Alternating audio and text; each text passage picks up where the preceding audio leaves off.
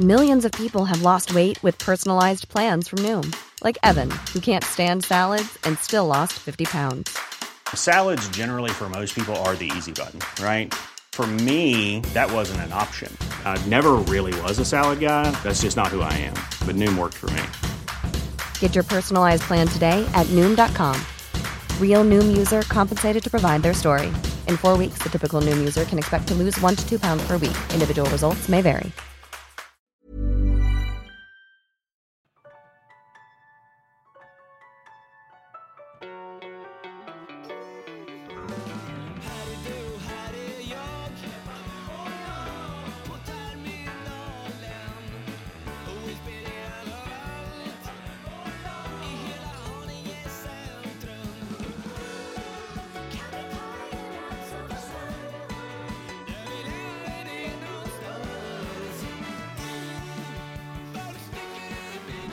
Hjärtligt välkomna till Ekstedt Sport! Med Jesper Ekstedt. Jesper Ekstedt är här, sitter här framför, li- lite snett framför er, för ni sitter på, på sidorna som, Du är programledare, vi flankerar dig. som min högra och vänstra hand och det gör mig så glad att se er. Hur mår du Olle?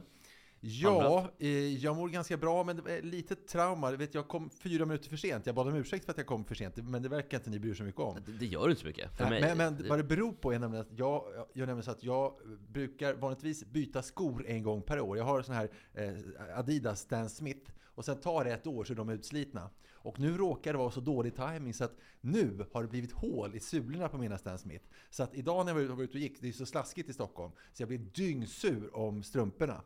Eh, och det var ett problem, för jag har inga andra skor. Och jag har så stora fötter så att Inga jag kan inte köpa strumpor? heller. Vadå? Du har inga andra strumpor? Ja, ja men strumpor, då blir de blöta igen så fort. just Alltså, det, du kan stor- inte bara det- gå till skobutiken och köpa. du det måste- finns inte i min Kan säga så här, att, eh, Sam Smiths eh, var med i Stockholm Open 1971 och, och, och då sa ju Bengt Dahlbom Åh, gamla Stan! Ja, redan då. Också att Men han hur som var helst- Stan med Stan, eller Stan då. Så Hur ja, som helst, så då eh, så tänkte jag, vad ska jag på fötterna? Jag har ju ingenting. Då kom jag på att i källaren så har jag ett par kängor, ser de där, eh, som jag aldrig har använt. Men jag, jag kom på att det blir en quiz på det, för att de köpte jag nämligen när jag var i Manchester. Och jag köpte, och kan jag säga, när köpte jag skorna lyder frågan. Och det är svårt för er, men ni ska få en ledtråd. Jag köpte skorna samma dag som, jag var där och tittade förstås, som Sir Alex Ferguson var manager sin sista hemmamatch på Old Trafford. Så när köptes skorna som jag första gången använder idag? Jag tror att det var den 12 maj 2013. Hur fan kunde du ta det? Ja, men för att 2013 var jag rätt säker på, för att... ehm, Jo, men det är skillnad på 2013 och 12 maj 2013. Jo, det är samma. Det brukar, det brukar alltid vara där. Det brukar vara där i krokarna 12 maj. Vilka Och, mötte de? eh, alltså jag, kan de ha mött Sunderland hemma? Alltså jag tror, jag ska säga, jag är inte säker för det var en ganska tråkig match. Jag upptäckte där att svenska matcherna, i alla fall AIK, Djurgården och Hammarby som jag kollar, är ju roligare. Alltså med stämning i publiken. Ja, ja, gud. ja. Eh, Jag tror att det var Swansea, men jag är inte säker. För att något av de här tillfällena, en slutstrid i Premier League vid något, och det kanske var tidigare också, så, um, det måste vara tidigare eftersom det var hans sista match. Eh, men då vinner United borta mot Sunderland, på, eller om det var hemma då på Sunderland, och City spelar mot QPR. Ska vi bara lyssna på hur det låter när eh, City vinner ligatiteln på stopptid? Ja, eftersom du påar det så fint. Aguero! Ja, det var mäktigare när man såg, såg. Ja, men det var, det var ett snyggt mål av Agüero. Det var ett snyggt mål, och det är mäktigt, men jag tycker alltid att det är mäktigt med, med såna här, och det är det som gör fotbollen så otroligt mytisk. För att det är alltid, det, det är ju den sporten det är mest folk på läktarna. Eh, I kombination med, Indy 500 då? ja men i kombination med fanatiska supportrarna. I kombination med fanatiska För jag menar bara att så här, även Super Bowl är det alltid fler, och jag menar en Och vanlig galopp kan vara väldigt mycket också. galopp jättemånga, och en vanlig liksom college-match. Men jag tror ändå att fotbollen har dragit ifrån de andra sporterna se- senaste åren faktiskt. Speciellt Premier League har blivit mycket mer betittat utomlands, alltså i alla världsdelar, de senaste sju, åtta åren. Så asiaterna alltså, gillar det. 2013. Så att du kan inte komma till något land eh, där liksom Premier League är okänt. Nej, så är det nog. Och jag tror faktiskt att eh, kanske i alla fall NFL kan nog vara okänt i vissa delar av Afrika eller... Jag visar I att det är- Benin kanske? Ja, då tror jag att det är okänt. Benin. Kongo. Men, men, Benin, ja. men, men, men, men jag tror ändå att ingen sport kan konkurrera med... Alltså, eh, enhet som Premier League i, i världen idag. Om man inte vet att, ska vi ta det direkt? För vi satt och pratade, och då vill jag också spela en låt för er som jag tycker är väldigt bra.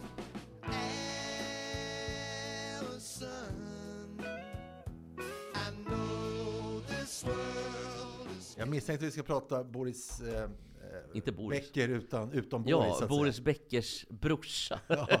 Alison Becker. Ha- Hans Becker. Ja.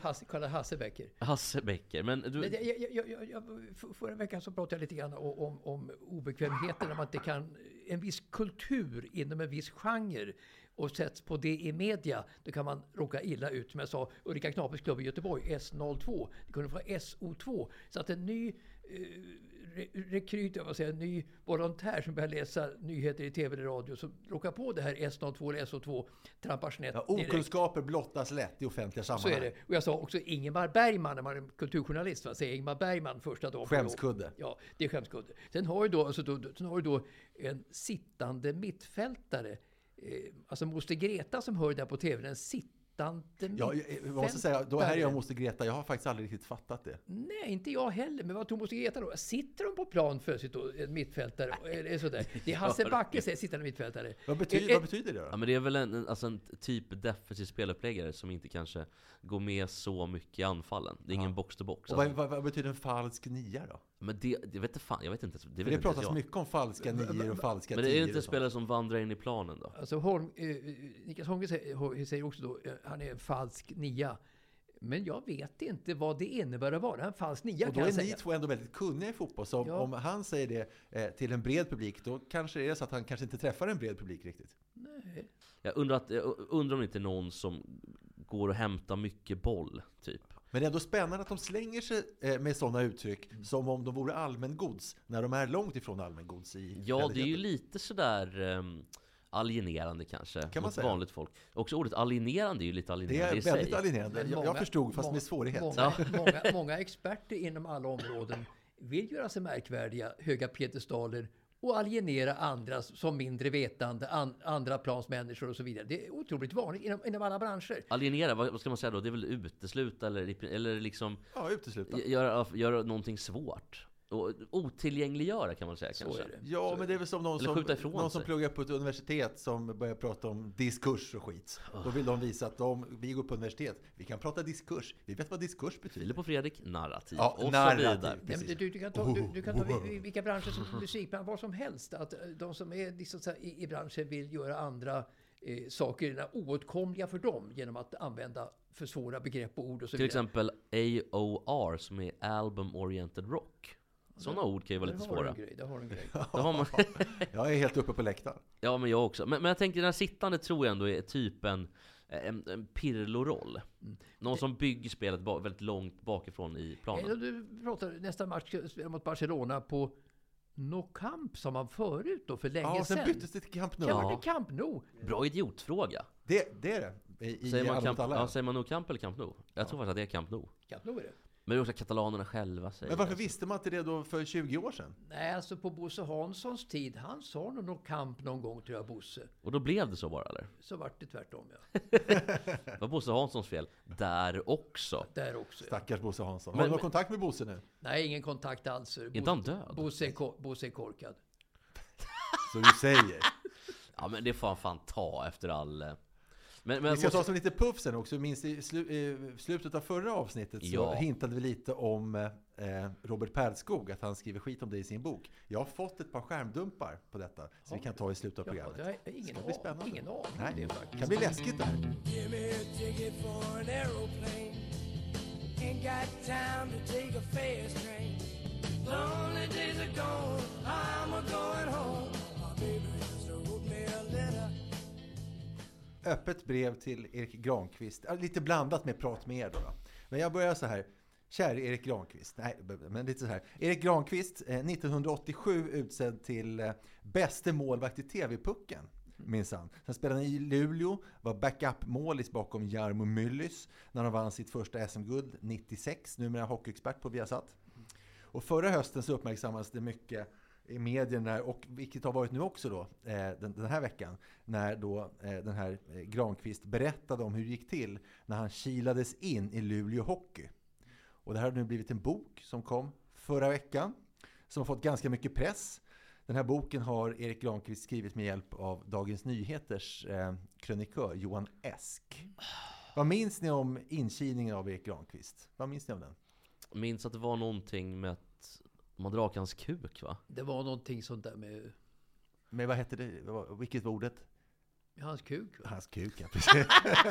vad var kul att höra dig säga kuk. Jo, Jo, jo, jo, jo, men alltså det var ju så förnedrande så att eh, man eh, reagerade otroligt negativt, i alla fall jag. ja visst Ja, var det så. gud, ja. han, han tvingades ligga på, ligga på brits och så band de ett snöre runt snoppen på honom som de då skulle dra i om han gjorde motstånd när de rakade honom på huvudet och sen över hela kroppen. Och flera andra hockeyspelare bekräftade att de har varit med om precis samma sak som Granqvist. Det, liksom, det var lego på den här tiden. Men det var få som tog det lika hårt som Granqvist. Han säger själv att han är, han är väldigt känslig. Han, han drog de här känslorna byggde in dem på sig själv. Jag måste, innan jag fortsätter bara. Jag eh, hade reagerat exakt likadant tror jag. Ja, jag är också... jag, jag också, herregud. Det är ju- det är ju ett jätteövergrepp. Vilken, vilken, vilken otroligt otäck... Ja, men visst har han det. Ja, ja det... Jaha, nej men gud. Ja, det är uppförsbacke. Erik blev ju väldigt firad när han berättade om det här. Han blev firad nu när han kom med boken. Det det blev stora uppslag i tidningarna. Ja, men alltså, han vill att boken ska sälja. Alla sa hur duktig han var och hur modig han var som berättade, vilket han förstås också var, vill jag, vill jag tycka på. Men det här har samtidigt inneburit att det här traumat, som det var för Erik, det förringar jag inte alls, långsamt så har det förvandlats till kanske inte det allra bästa som Erik Granqvist har varit med om, men ändå någonting som gradvis har blivit mer och mer positivt som helhet. Alltså Granqvist har helt enkelt blivit lite bekräftelsetorsk. Så när Johan Esk på DN ringde och frågade om de skulle kunna skriva en bok om det här, så är det inte konstigt att han tackade ja. Visst, för han är liksom uppe i sig själv. Fan, och det här är ju liksom min grej. Men vad folk då borde ha sagt, eh, det här är öppna brevet då, eh, eh, Erik Granqvist, vad folk borde ha sagt till dig då Erik, det är, käre Erik, vi förringar naturligtvis inte din egen upplevelse, men oss emellan Erik, vad trodde du egentligen att de skulle göra med dig där när du låg på britsen? Döda dig eller? Och fattar du inte att de som utförde den här inkilningsriten på dig med största sannolikhet hade varit med om exakt samma sak själva och överlevt. Som du bara hade legat still där på britsen och låtit dig bli rakad så hade ingen dragit i din snopp och det hade gått över ganska snabbt och det hade kanske blivit en jättekul fest efteråt. Kära Erik, det här håller för en artikel, inte för en bok. Det är dags att släppa det här, kära Erik, och eh, gå vidare med något nytt. Tack för ordet. Så jag förstår inte att han säger ja till att liksom projicera det där igen. Det hade jag ju aldrig i mitt liv gjort överhuvudtaget. Alltså så här, jag hade varit vansinnig om någon hade gjort det mot mig själv eller mina barn. Fast man hade ju förstått det, det, att då var det liksom en del av hela. Så eh, om, om jag återkommer till mitt öppna brev. Om man bara skulle ligga där, okej, räkna sekunder, okej, det här kommer vara slut om några minuter. Eh, visst, det kommer vara ett helvete, men liksom, man skulle kunna gå utanför sin egen kropp och se det utifrån. Alltså, så hade jag nog hanterat det. Men visst, Men, men vänta, person. vänta, vänta lite bara, så att Ja. det inte blir något, något jättefel här. Ja. Nu, nu, eh, det är ju så våldtäktsoffer gör. Ja, och, det här, poäng. och det här är inte, det här är ju en våldtäkt. Alltså, alltså så, så, Jag säger som han gjorde i, i Lorry, tänkte inte på det. jag tänkte inte på det. Det, här, det är ju faktiskt en... Peter, Peter Dalle. Ja, Åtminstone så skulle det tolkas, skulle de förmodligen blivit dömda för det här, för att det ja, var sexuellt ja, men visst är övergrepp. det så. Men jag tycker så här, eh, alltså Patrik Sjöberg, Viljo Nusiainen, hans Ja. styvfar, och alltihopa där. Men alltså Patrik Sjöberg då behövde ju publicitet för att överleva och leva vidare. Han hade ju inget jobb och det. Så att, att han projicerade det här och kom med i alla tv-soffor och allt elände eh, och sådär. Eh, Och, och, och, och sen eh, tjäna mycket pengar på, på sin berättelse som kanske nu har klingat av efter många år. Men det behöver ju inte Granqvist. Ja, men han har ju sin hockeyexpert. Vad ska han hålla på med det här för? Jag förstår inte det överhuvudtaget. Men jag väljer också jag väljer liksom två tankar i luften här. Jag tycker faktiskt att Erik, som ändå är uppvuxen i hockeyn och som älskar hockey av någon anledning, han borde Av ju... någon anledning. Ja, ja, jag Jag tror han är född 72 förut. Ja, ja, det låter som det var TV-puck 77.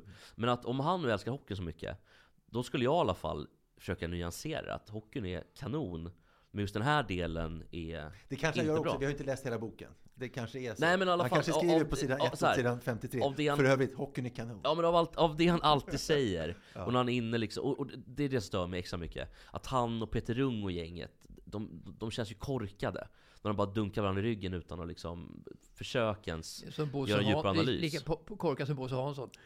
Men, men, men, men, jag han är väl typ på en fem, är inte han på en 15-årig nivå i huvudet? Bosse Hansson? Ja, Jag har känt Bosse i alla år. Bosse var på Idrottsbladet också. eh, Han började eh, och sådär, i Göteborg och sen Stockholm. Men, men, han eh, är ju en expert av Erik Niva-klass. Nästan. Inte som Niva, men nästan som Nästan Niva. lika autistisk. men på vilken Ja, nivå ja, var ja. han liksom som intelligensmässigt? Var han, läste han Buster eller liksom, så Bosse Hansson och Björn Borg? Nej. Eh, Var han smartare än Björn Borg? Om vi Alltså. Bosse, Bosse var ju rätt allmänbildad, eller är rätt allmänbildad Eh, och eh, är på ytan en bra kille, en bra kompis. Han är anspråkslös som bara tutan, tutan lyfter aldrig upp sig själv och var populär på radio och tv-sporten när han jobbade där under alla år. En bra polare, en bra kompis för alla utom för Arne Hegerfors, för de konkurrerade om VM-finalerna i fotboll. Så att mellan dem, när de var ute på ett mästerskap i Mexico City 1986 till exempel, så bodde de på olika hotell.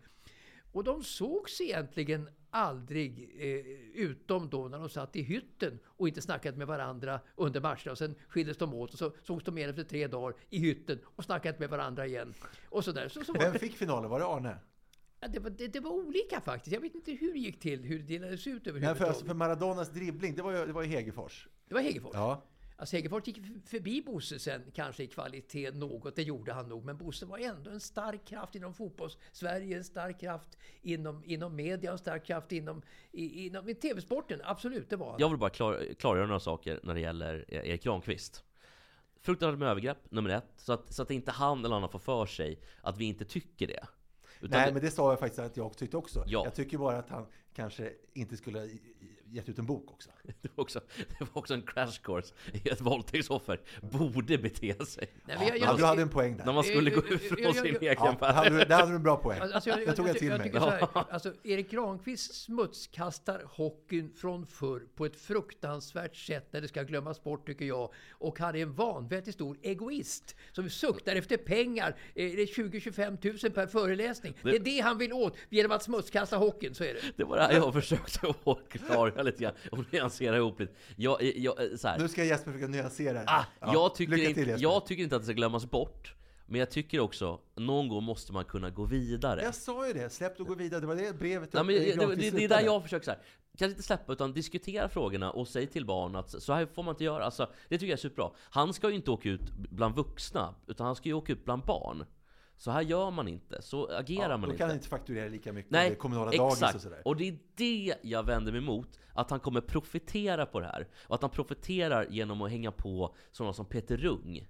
Så att alla de här har blivit någon form av Han, han, har ju, genusvetare. han har ju manbun, den här Rung. Rung. Ja, hade ja, bara ja. Erik Granqvist haft hår, så han har också skaffat manbun. Ja, ja, verkligen.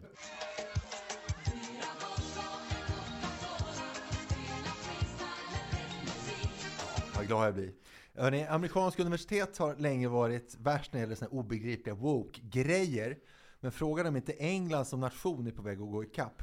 Alltså inte ens George Orwell hade kunnat fantisera ihop ett värre framtidsscenario än vad som nu drabbar Roald Dahls böcker. Har ni hört talas om vad som händer med Roald Dahls böcker? Nej, egentligen inte. Alltså den, den där debatten, det här är ju väldigt pinsamt på ett sätt. Men när de skrev, jag var lite mer arg på den tiden och eh, lite mer hårdför kanske i mina åsikter. Eller inte åsikter, men lite mer... Det var nog så att de skulle ta bort Tinten i Kongo Ja. från Kulturhuset. Ja. Och då skrev och ringde jag till Kulturhuset och tyckte att det här var någon form av censur. Ja. Och det kan jag nog fortfarande tycka. Jag tycker Jo. inte man ska... Ja, men jag tycker man kan väl ta någon text som förklarar den tidens anda, att det var annorlunda Precis, då. det hade varit istället det för att bästa. censurera böckerna. Men Men, det men, det här som är nu, som har drabbat Ro- Roald Dahls böcker, det är något helt annat än Tintin i Kongo och att man inte kallar Pippis pappa för negerkung längre, utan bara för kung. Eh, Alltså för mig, Roald Dahl är för mig en, en av de författare som betytt mest när jag var liten. Astrid Lindgren var favorit. Och också Ole Lund Kierkegaard. Var det Gusten Grodsluk? Ja, men det var det. Den här drastiska dansken. Vet du hur han dog förresten? Eh, Ole Lund. Nej. Helt otroligt. Han var Han hade snöre kring kuken och så vägrade han bli Han, rakad. han, var, han var i Oslo och läste böcker på ett bibliotek. Och sen så eh, drog han därifrån och så eh, började han supa och det var vinter. Så la han sig ner i en snödriva för att vila lite grann. Så frös han ihjäl. 37 år gammal. Jag menar Men gud. Ja, men nog om Olle Lund. I alla fall en favoritförfattare. Också eh, Roald Dahl. Och, Vad har eh, han skrivit då? Sofies ja, men han- värld? Eller vad är Nej, men han har skrivit Ma- Matilda-böcker, han har skrivit eh, Kalle och chokladfabriken, han har skrivit Häxorna. Och han, var för, han var för övrigt längst i det brittiska flygvapnet i andra världskriget. Just det. Eh, Han var 1,96 lång och man fick bara vara 1,95. Så han fick dispens för att kunna vara med i, eh, i Royal Air Force. Eh, Det är fantastiskt. Han har skrivit sin bok Soloflygning. Han är väl från London va? Storbritannien? Ja, visst. Norsk etta då. Norsk etta. Ja. Ja, det var inte det jag skulle prata om.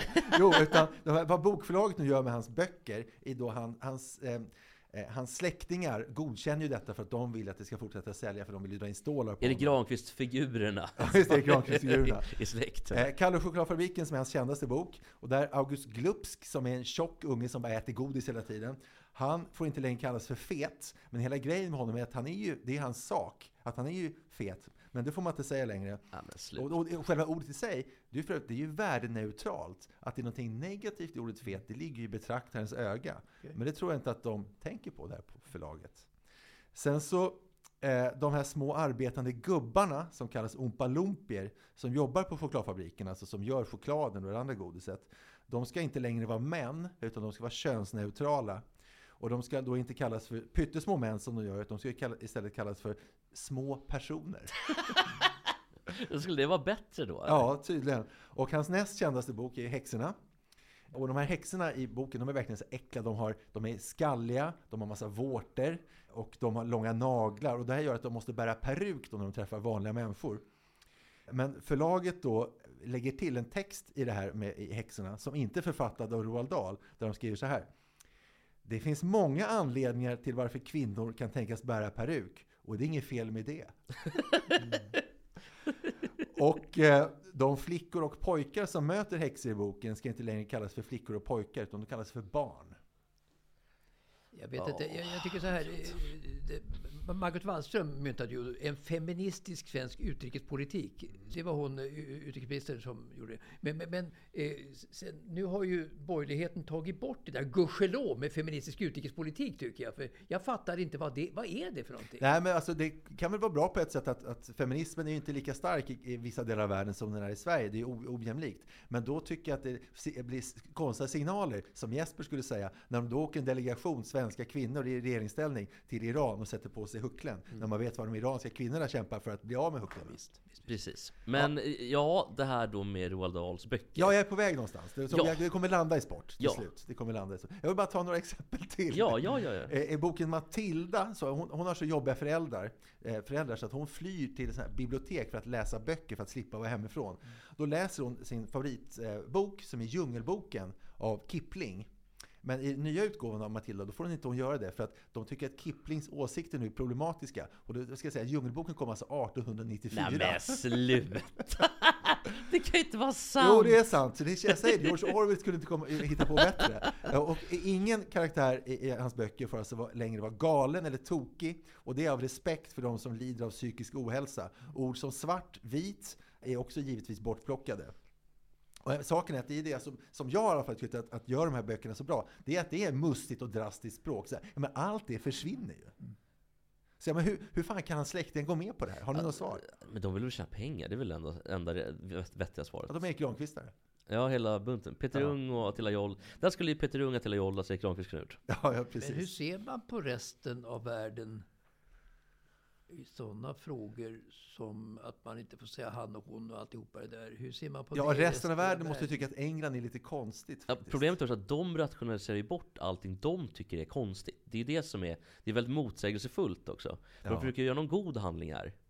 Men det är klart att det är väl inte positivt då, um, i, enligt Dahl då, ha vårtor i ansiktet och för att de var så fula och så här. Nej, så att, så att, ja, men, men samtidigt så, det är ju så världen ser ut. Visst är det Någonstans. så. Men nåväl, nu ska jag komma till sporten. Efter att ha hört om dessa ingrepp så, så kan man knappast säga att jag blir förvånad när jag läser att det engelska damlandslaget ska spela med regnbågsarmbindlar, så kallade One Love-bindlar under fotbolls-VM i Australien i sommar.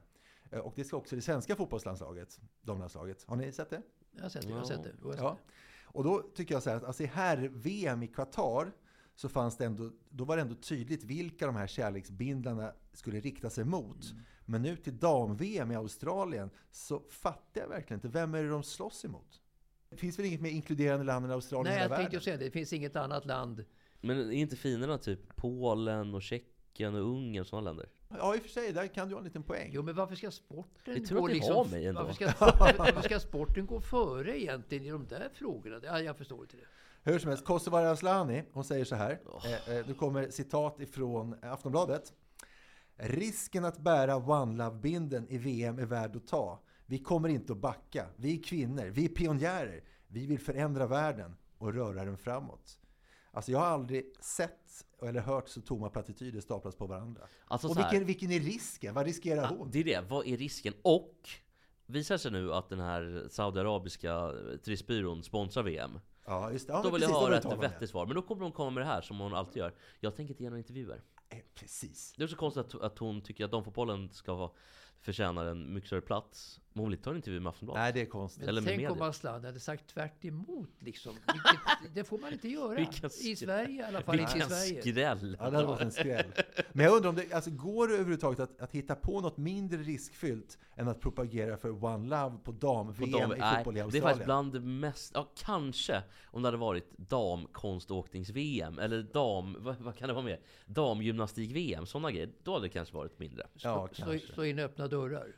Ja, det men var öppna dörrar, och, verkligen. och sällan har då uttrycket att slåss mot väderkvarnar passat bättre tycker jag. Det är Och, ett väldigt bra uttryck. ja, visst är det Ja, Det är tydligt. Och sen, jag blir glad. det. Var det Don Quijote? Ja.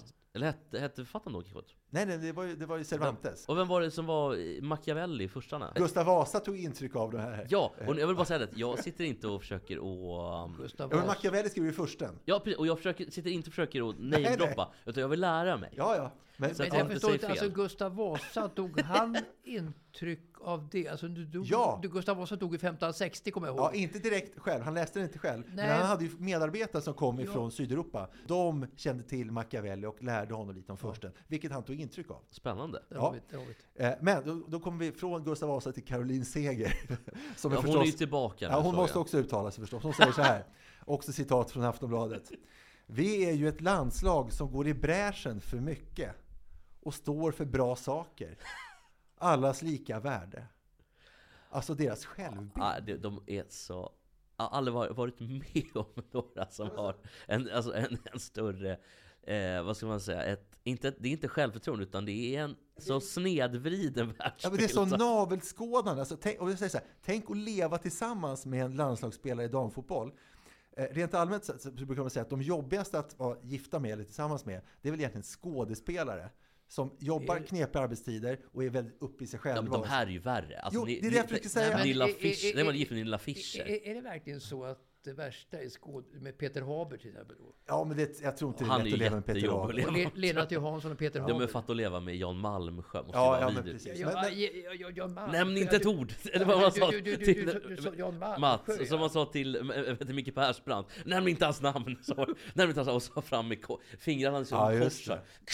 Men, men alltså, tänk att bo under samma tak som någon som oavbrutet går och tänker på, och det enda den tänker på, hur god den är. Framförallt, när, när ska jag nästa gång få uttala mig i Sportbladet om hur god jag är? Det är väl det som är liksom. Men, men jag tänkte, eh, bara ett, ett exempel på det här. På deras lite konstiga världsbild. Nilla Fischer då, när, eh, då var de förbannade på att man betalade inte resan för familjen ner till något VM, eller om det var ett EM kanske. Mm. Och då svarade hon ungefär så här. Vi, de har inte råd att åka. Man vet, eftersom man inte vet då när eh, matchen ska vara så. De har inte råd att åka. För vi prioriterar en resa till Kana- Kanarieöarna och våra hästar. Jaha, ja men då har ni väl prioriterat det i så fall? Exakt. Det är så här, en vanlig familj eller en vanlig person, de som betalar för att ni över- överhuvudtaget ska kunna åka ner till det här VMet. De måste också prioritera. Det är inte så att det är en mänsklig rättighet att vara damfotbollsspelare, eller för den delen herrfotbollsspelare. Nej. Alltså de spelar här eh, i division 1, här division 1, som för övrigt, för övrigt är mycket, mycket Vilket bättre också. slit och vad de får åka och De- kuska över Sverige. Tjänar så mycket mindre. Det, jag skulle säga att division 1 i fotboll är det värsta du kan spela i. För du tjänar typ 5-10 tusen i månaden och du måste ha ett annat jobb och dessutom ska du eh, träna sex dagar i veckan. Efter jobbet då. Och du ska åka iväg på kanske en till två bortamatcher. Plus Svenska cupen, plus träningsmatcher, bla bla bla. Men det värsta är nog de här hockeyallsvenska lirarna. Hörru, vilka resor de gör i buss. Och Men hur de många- ändå lite hur- stålar hur många, hur många nätter de bor i bussen under Jag tror, en jag tror säsong. division 1 är värre även i hockeyn Ja, det är alltså. värre. Men, men så mycket matcher och så långa matcher och så otroligt mycket bussresande. Att de pallar. Hörni, jag känner mig lite eldig idag. Jag känner Ja. att jag får in många bra poänger idag. Ja, du, har- du har fått en del bra poäng. Jag ska bara avsluta den här fotbolls, Mm. eh, damfotbollstråden. Alltså, tänk då om man då är eh, tillsammans med en damfotbollsspelare, älskar en damfotbollsspelare, så tänk att hur jobbigt det måste vara ändå att hur mycket man än älskar den här landslagsspelaren i, i fotboll, så älskar man den aldrig så mycket som den älskar sig själv. Och när man, när man då har en sexakt, så vet man att när den blundar så tänker den på sig själv.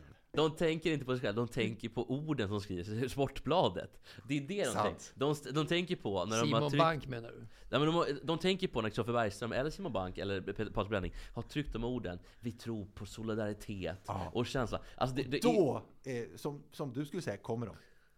kanske. Apropå det så såg ni det här med eh, Magdalena eh, Eriksson som spelar i Chelsea, Mm. har gjort det sedan 2017 och sånt där. Hon får allt mindre speltid och är på väg bort från klubben. Hon vill inte fortsätta för hon får ingen speltid. Men hon är tillsammans med Pernille Harder. Harder, Ja, Harder. eh, som ju är superbra. Och de säger nu att, eh, att om hon ska lämna Chelsea så måste Pernille Harder följa med, för de är ihop. Ja. Eh, vad säger ni om det? Är det ett rimligt krav att ställa? Att de som köper dem ska köpa dem ihop som, som klubb? Eh, Men är det inte lite som Sedinarna vill ju också vara i Ja, samma de, lag? och det fick de ju alltid vara Ja. också. Till och med i samma kedja nästan jämt. Men då, de, och de hade lite förspänt för de var ju lika bra båda två. Ja, visst. Henrik var väl snäppet bättre om jag inte Ja, missminner så, här, mig. så här var det alltid. Att Daniel gjorde, eh, eh, säg att de gjorde i genomsnitt 40 mål på en säsong. Då gjorde Daniel 41, Henrik 39. Och så Henrik gjorde tre mer passar. Alltså, Men det var, ja. de var så väldigt Det var väldigt lika, ja. Alltså Daniel var ju, Daniel ansåg Ja. man då i alla fall, lite bättre. Daniel. Åtminstone första halvan av karriären. Ja, sen tror jag Henrik var bättre sista halvan åtminstone. Ja, skitsamma. Men jag tänker att de har ju ändå... Är man tillsammans så är man inte tillsammans. Nej, det tycker inte jag var så konstigt. Nej, jag, jag, jag frågar bara. Alltså, jag, tycker- jag, jag, alltså ur deras synvinkel, fullt rimligt. Jag menar, de är tillsammans, de älskar varandra. Eller kanske sig själva främst och sen i andra hand varandra. Inte Pernille tror jag, utan det är också väldigt mycket de svenska damerna är som så. är ute och svingar. Millions of people have lost weight with personalized plans from Noom, like Evan, who can't stand salads and still lost 50 pounds. Salads, generally, for most people, are the easy button, right? For me, that wasn't an option. I never really was a salad guy. That's just not who I am. But Noom worked for me. Get your personalized plan today at Noom.com. Real Noom user compensated to provide their story. In four weeks, the typical Noom user can expect to lose one to two pounds per week. Individual results may vary.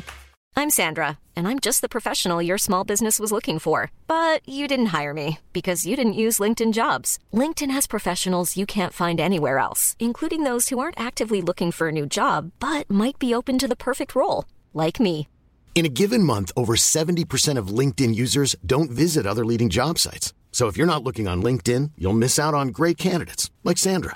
Start hiring professionals like a professional. Post your free job on linkedin.com/people today.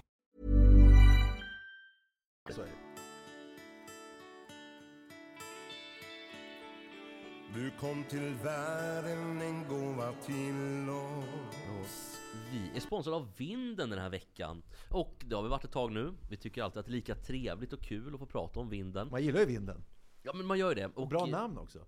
Jag vill ju också säga att vinden är ju ungefär som det låter. Det handlar om vind eh, och eh, källare. Fast inte vind som låter i, i, eh, ute i naturen. Vindkraftverken. Nej precis. Men det är så här nämligen att om du har dåligt om plats hemma eller att det är jobbigt att gå ner i källaren eller vinden eller vad det nu kan vara för någonting. Då är vinden ett substitut. Det är så att vinden eh, hämtar grejerna hemma hos dig så man får också transporten på vägen. Jag, jag, jag byter ju bil så pass ofta så att jag får en mängd dubbdäck liggande så att säga som är svåra att bli av med. Vad gör du med dem då? För att det är... Ja, de får ju- Ja, gode gud, vad gör jag av dubbdäck? Jag vet inte ens det själv. Jag skulle, skulle vilja ha någonstans där jag kan lägga dem. ja. Dubbdäck har en konkurrent och det är på en, den smala tävlingen vad som låter eh, roligast på dalmål. Är det dubbdäck eller är det dubbeldime? Det är bara de två orden. Vilket låter bäst? Är det dubb, Dubb- dubbdäck eller dubbeldime? Dubbdäck? Det enda som ska vara vettigt med dubbdäck när det gäller vinden, det är att vinden ska hämta dubbdäcken när du inte orkar ta ner i källaren. Eller om du inte, orkar, Konkret helt enkelt. om du inte orkar ta ner i källaren. Men Eller på vinden. tunga de där dubbdäcken också. Att får man hjälp med dubbdäcken så är det ju toppen. Det kostar ungefär eh, 25 kronor för flyttlåda. Det kostar 100, en hundring för fyra dubbdäck. Och ungefär 125 för en fåtölj. Vinden är också bra när man till exempel går i flyttankar eller renovering. För att vinden tar hand om grejerna un, även under längre perioder. Vinden finns i Stockholm, Göteborg, Malmö och det är, bara, det är enkelt att gå in på hemsida eller app. Tack Vinden! Du kom till världen en gåva till oss Vi har en annan grej som har hänt från bandyns värld. Och eh, i bandyns värld så händer det inte så mycket regler. Det var ju Per Fosshaug var ju... Ja, när han slutade så sen slutade det hända saker. Men det är det, jag tror att, precis, jag, jag, jag tror någonstans att Per Fosshaug var ungefär lika bra som Petter Northug var för skidåkningen, fast för bandyn. För att det hände, han klappade till någon i ansiktet och domaren fick en smäll och det var liksom, det kunde alltid hända någonting. Eh, nu är det faktiskt en bandyspelare som har blivit spottad i ansiktet. Ja.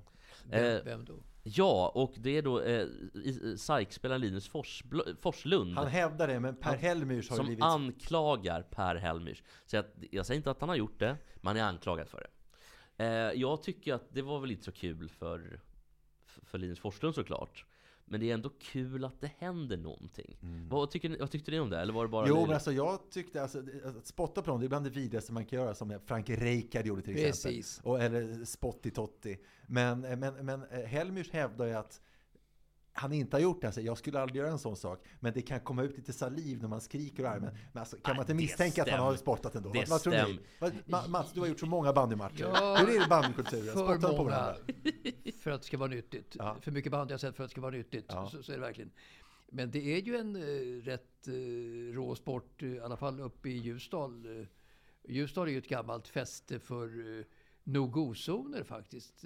På 1800-talet så kunde man inte gå ut i Ljusdal nästan för att man blev nedslagen. Det var så pass? Ja, ja, Det är det värsta stället i Sverige överhuvudtaget någonsin eh, innan de utsatta områdena kom för 5-10 år sedan. Men hur- vad var det som hände i Ljusdal då? Det, det, var- det var så mycket våldsamheter och så mycket tjuv och rackarspel och så mycket, så mycket, så, så mycket överfall och så mycket krogslagsmål just i Ljusdal. Så att eh, alltså staten eh, måste ingripa. Men vilka industrier hade de där? Vad var de jobbade, vad var de gjorde där? De har inte haft så mycket I industri. Ljusdal, det var Skogsindustrin. Ja, men det måste ändå varit folk där? Ja, inte skogsindustri kanske, men det var sådana här Jo. eh, golv... eh, Det var, de, de byggde hus och så vidare. Och så, de gjorde i Norrland. Och de byggde också, det var så golvläggare och så vidare. Eh, alltså knutna till husbyggen. Alltså, det, det, det, är I- i- som du brukar säga, det är en total nyhet för mig. Alltså Ljusdal, en no-go-zone. Ja, men vänta, de, alltså så här, de har eh, alltså ett skogs, typ natur, skogsbruksgymnasium där. Så att de har jättemycket jo, skogsbruk. men du pratar Mats om 1800-talet. Ja, ja, ja okej. Jag tänkte, men du frågar idag vilken industri? Om du Nej, har- att om det du var en tar den no-go-zone här- på 1800-talet. Jag, jag såg den här Skrik från förr, i, i David Lagercrantz eh, jättefina serie om hur det var förr i Sverige. Alltså från 1880-talet och fram till ungefär 1920-talet.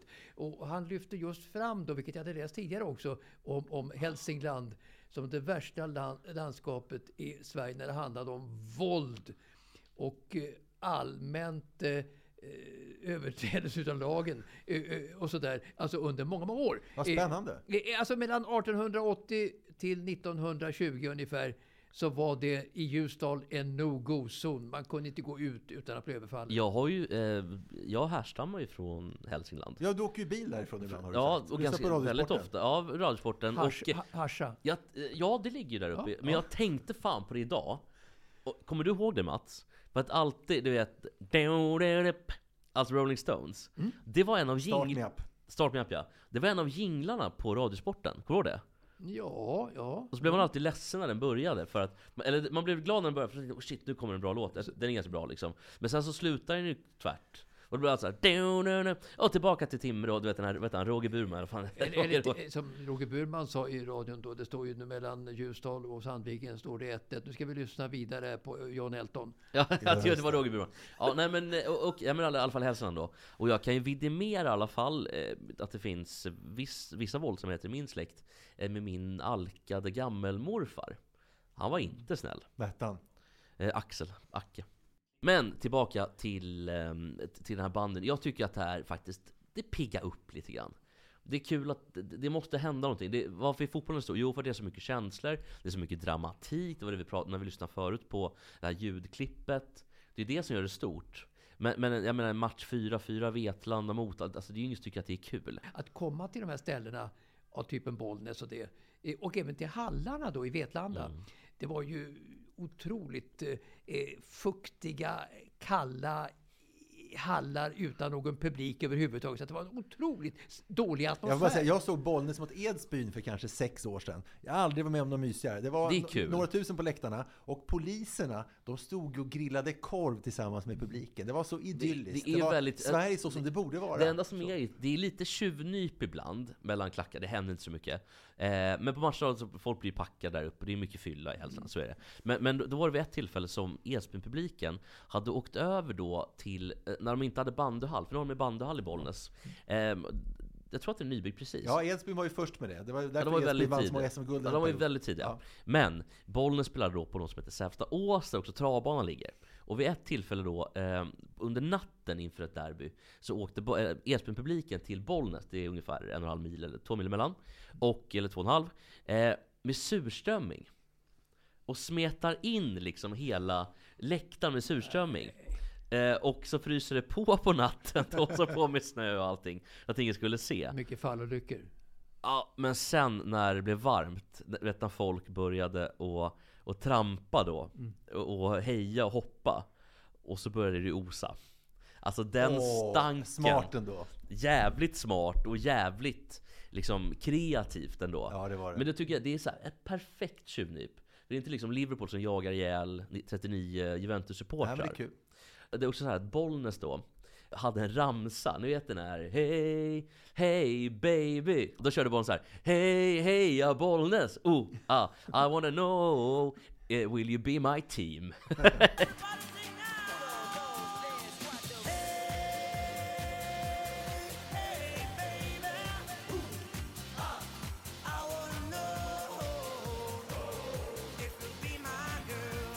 Eh, hur som haver så går vi vidare tycker jag från bandet till lite fotboll. Eh, det har varit fyra Champions League-matcher i veckan. Liverpool, Real Madrid. Eh, Liverpool ledde, inte så länge, men ett tag. Tidigt med 2-0. Men förlorade med hela 5-2 Mats, vad hände? Det, det, det var ju så här att det var ju två enorma målvaktstabbar i första halvleken. Ja. Alltså två världsmålvakter då. Eh, Alisson Becker då i Liverpool och eh, Courtois i, i, i Real Madrid eh, satt sig där. Men jag tyckte ändå i början att eh, Liverpool eh, var svaga. De hade ingen riktig motivation. De ledde med 2-0. Men så gjorde alltså Real Madrid då fem raka mål. Och det är ju mycket anmärkningsvärt. På, på Anfield av alla ställen gör fem mål och förnedrar denne Alisson Becker. Och det är ett viljelöst Liverpool som ställer upp där. Men Lika inte vilje- ens van Dijk känns ju påkopplad längre. det, det, det måste ha hänt någonting jättestort. Alltså då, Jürgen Klopp var ju jämte eh, Sepp, eh, eh, jämte Guardiola världens bästa tränare eh, så sent som eh, 2022 då. Och nu är han värdelös. Och nu är han plötsligt värdelös. Men han, de- de- så här, han kanske fortfarande är där uppe. Nå, någonstans så, Liverpool har ju inte riktigt samma resurser. Eh, man, man har i alla fall inte utnyttjat resurserna på samma sätt som Manchester City. Och eh, jag, jag tycker nog att... Ska du ha, Olle? Ja, är det kallt? Okej. Jag, jag tycker någonstans att, ehm, att, att Liverpool har gjort dåliga värvningar. Man har spenderat pengarna ovist. Man har inte tagit in det man behöver på mitten, inte back och inte försvaret. Man skulle behöva skeppa både Henderson och Fabinho. Och kanske plocka in de Bellingham har ju tappat Mané, det är den stora grejen. Ja men det också. och Da- Darwin Nunez som inte alls egentligen är en sån pressspelare som, som han är. Så det kommer ta tid tror jag att skola om Nunez, skola om Gakpo. Eh, Jürgen Klopp har nog vuxit sig lite grann för stor och jag tror att han har tappat omklädningsrummet, det tror jag. Eh, De gör inte som han vill längre. De har ingen motivation riktigt. Så det kräver också jättemycket av spelarna att spela på det sätt som Liverpool har gjort. Och du behöver spelare, De- spelare de, som de, är... De, de pressar inget, de pressar inget, orkar inte pressa längre. De, de spelar inte för sin tränare helt enkelt. Och då är det kört. Alltså fem måltapp på, bort, på hemmaplan på Anfield, då är det någonting som är tok, tok, tok, tok snett. Så att nu funderar väl då Liverpool på att sparka Klopp, vad jag förstår, just i, i detta nu när vi spelar in det här. Det är möten om Klopp, som ju är ett geni, eh, förklarad och så vidare från Tyskland och, Dortmund. Men, men att han inte längre kan gjuta någon vilja i spelarna, utan det är kört för honom. Var kommer Klopp hamna någonstans tror ni? Ja, Tyska landslaget, om inte han ser flick... För att han sitter nog inte heller helt säkert efter VM. Jo, han gör ju det. Tror han gör det? Hansi Flick, trots denna katastrof som det var VM, så anses Hansi Flick vara en enormt bra Man coach, behöver nog- coach och manager. Eh, framförallt inte kanske som fotbollstränare bara, utan också som manager för laget. Han är otroligt ansedd, denna Hansi Flick. Så att det var med ganska bred marginal han får fortsatt förtroende inför EM på hemmaplan 2024. Man behöver nog göra ett bra EM på hemmaplan. ja, Annars tror jag att han åker faktiskt. För att, Ja, säg att alltså- de åker ut i gruppen igen, då får han inte vara kvar.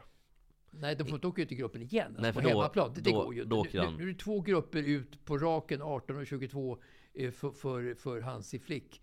Och att han ändå får vara kvar säger. Eller Jogge Löw var 2018 Jogge Löw va? 2018. Och så gör de en da capo på det 2022 Ja. i Tyskland och förlorar igen i gruppen. Eh, Men att han då får vara kvar säger en del om Hansi Flicks kvalitet. Ja, jag, jag tror att minst semifinal, kanske till och med final, annars så sitter han löst. Det kommer inte att hända att Tyskland går till final eller semifinal. De, de, Nej, de har ingen det. återväxt överhuvudtaget. Nej.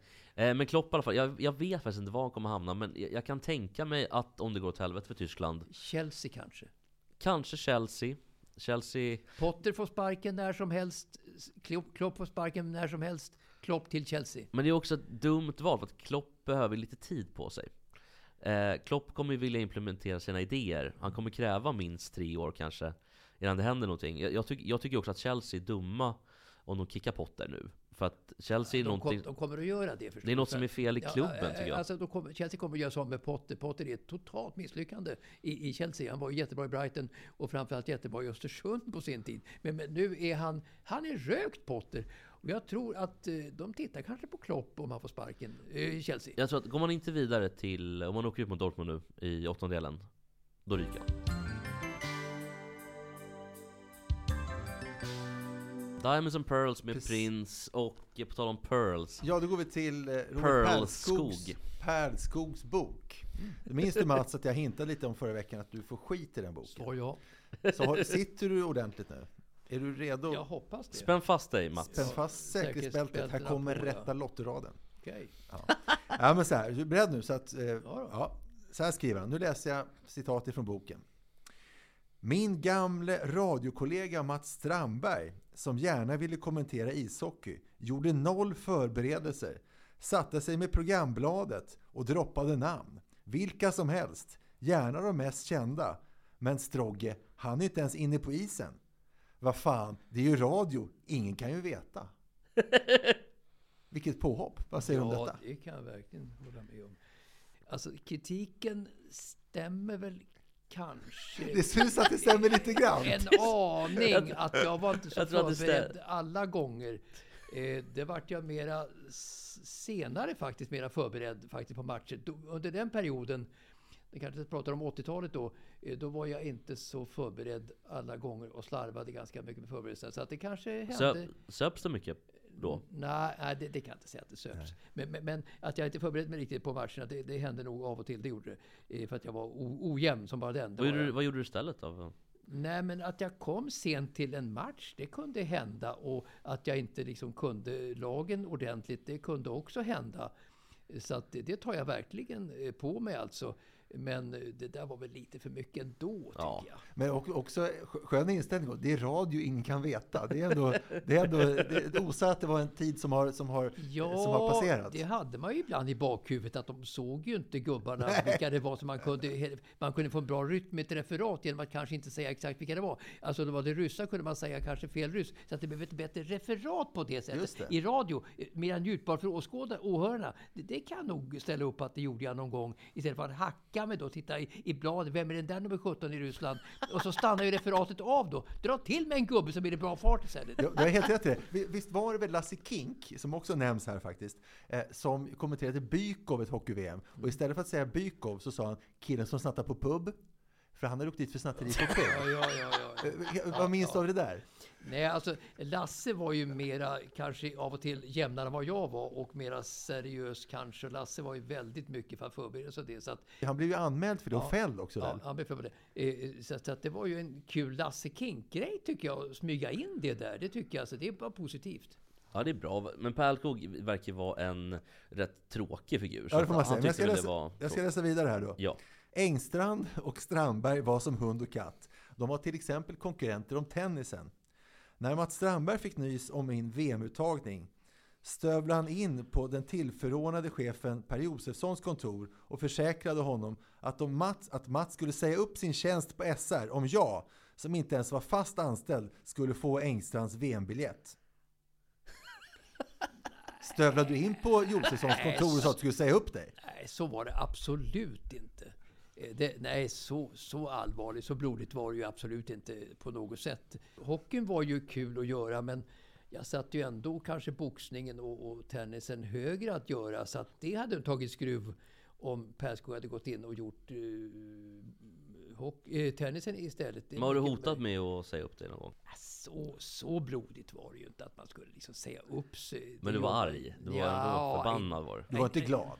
Jag Du var, inte glad. Du var inte rasande, inte du ville inte klappa glad. till Perskog. Inte glad, inte glad. Sen kör du in en spik i armen på honom. Jag tyckte ändå att eh, Pärlskog, jag är förvånad över att han, jag tyckte vi kom ganska bra överens jämfört med hur Pärlskog kom överens med andra. Han var ju eh, kontroversiell eh, på Radiosporten eh, och sa ju upp sig under vansinniga former i samband med VM i Italien 1990 då. När han skulle börja på TV4 och det. Så att han vart han ju persona non grata på Radiosporten. Han gjorde verkligen bort sig då, Pärlskog. Det förvånar mig då att han skulle satt in en tryckare på mig. Därför så uppfattade inte jag Men, det men, här, hela. ni, har, ni har jobbat väldigt mycket tillsammans och känner varandra väldigt bra. Mm. Om ni, när vi är färdiga här nu, om ni skulle mötas av en slump på gatan här ute, skulle det bli lite stelt? Eller känner ni varandra så pass bra så att det ändå skulle vara lugnt? Hur skulle det vara om ni möttes? Absolut inte stelt på Nej, något nej. sätt. Ja, men efter det utan- här nu då? Nej, inte, inte det heller. Utan jag skulle fråga honom vad menar du ungefär. Att- men, men, men, eh, men, men vi kom bra överens. Alltså, jag kom nog bättre överens med Robban Pärlskog än vad någon annan gjorde på Ja, Radiosporten. han har varit svår att komma överens med har jag förstått. Otroligt svår att jobba med alltså. Så, men jag såg över de där konstigheterna som han höll på med och det. Så att vi hade en bra relation. Så uppfattar jag i alla fall. Fram, jag, fram till denna dag jag är förvånad över, över skriverierna, det måste jag säga. Jag har hört en grej, annan grej Mats. Som en historia som har florerat på Radiosporten. Att Nu, nu ser Mats ut att vilja... vilja eh, sjunka genom jorden. Sjunka genom jorden. Nej, men att, att du vill, Jag, jag håller mig inte själv så högt. Nej. Jag, jag kan ta eh, otroligt mycket kritik. Du har självdistans, Jag, enorm, själv, enorm självdistans har jag. Så att jag, tar, jag, jag kan ta mycket kritik på olika sätt. Ja, men- och jag sätter värde på kritik för jag Ja. tycker att det förmerar personen. Med Men det sagt, det här, ordet till Jesper. och det här är ju ingen det är inte kritik i sin renaste form. Och det, jag har ju bara hört den anekdoten då, så det kanske inte stämmer. Så jag vill bara kolla det med dig. Eh, för det, det sägs då enligt myten att du ganska ofta, inte varje dag, men ofta, allt som oftast, eh, satte din jacka på stolen. Och sen gick hem för dagen. Och låtsades att du var kvar på jobbet. Just det, jag har också hört. Jakttricket. Ja. Alltså, jakttricket, det, det lärde jag mig av Uno Hedin faktiskt, som var eh, mycket äldre än vad jag var. Och det, var- han jobbade på- V75-expert, han jobbade- eller han V65 jobbade- Lycka till! När han jobbade på Kvällsposten då, Uno, han började på Kvällsposten, eh, då hade han enligt egen utsåg väldigt mycket tjejer på gång. Nu såg inte Uno sån ut så att man trodde honom riktigt. Och han var inte så som man trodde. Men han hade mycket tjejer på gång. Så han stack iväg till var tjejer på dagtid då, på, när han jobbade på Kvällsposten. Och för att de skulle tro chefen att han var kvar så hängde han jackan kvar på stolen. Och, och det är en jättekul grej tycker jag. Så att jag gjorde nog det också någon gång när jag skulle kanske iväg. Men du och- drog ner till, till typ Kungliga och kollade tennis? Ja, till exempel. Då hängde jackan kvar. Ja, men gick Per Josefsson på det här? Alltså chefen då? Alltså, vi hade, han, han höll mig väldigt högt, Per Josefsson, så Ja. att jag hade otroligt fria tyglar och göra lite vad jag ville ändå, så att säga. Jag och Lasse Granqvist var de som Pelle Josefsson gillade bäst och vi hade otroligt, jämfört med andra på reaktionen, mycket, mycket stor frigång. Men jakttricket är ju bra. Ja, det är fantastiskt bra. Så jag tyckte Uno steg enormt i min aktning när han berättade om, trö, om, om jakttricket. För det, det måste jag ta till mig, tänkte jag. Tänk att vi fick vänta ända till poddens sista skälvande sekunder till vi fick dagens eh, eh, namn på podden. Eh, På, på, jakttricket. Jakttricket, precis. Eh, hörni, det är väl dags att börja avsluta den här otroligt trevliga stunden. Vi ses nästa vecka. Tack för idag!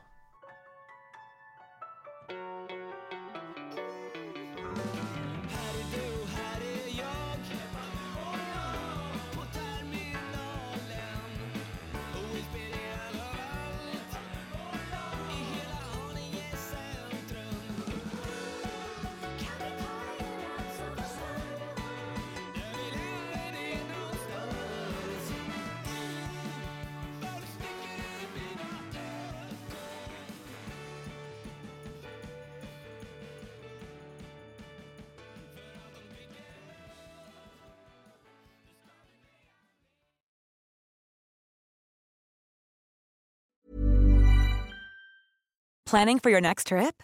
Elevate your travel style with Quince. Quince has all the jet setting essentials you'll want for your next getaway, like European linen, premium luggage options, buttery soft Italian leather bags, and so much more. And is all priced at 50 to 80% less than similar brands. Plus, Quince only works with factories that use safe and ethical manufacturing practices. Pack your bags with high-quality essentials you'll be wearing for vacations to come with Quince. Go to quince.com/pack for free shipping and 365-day returns.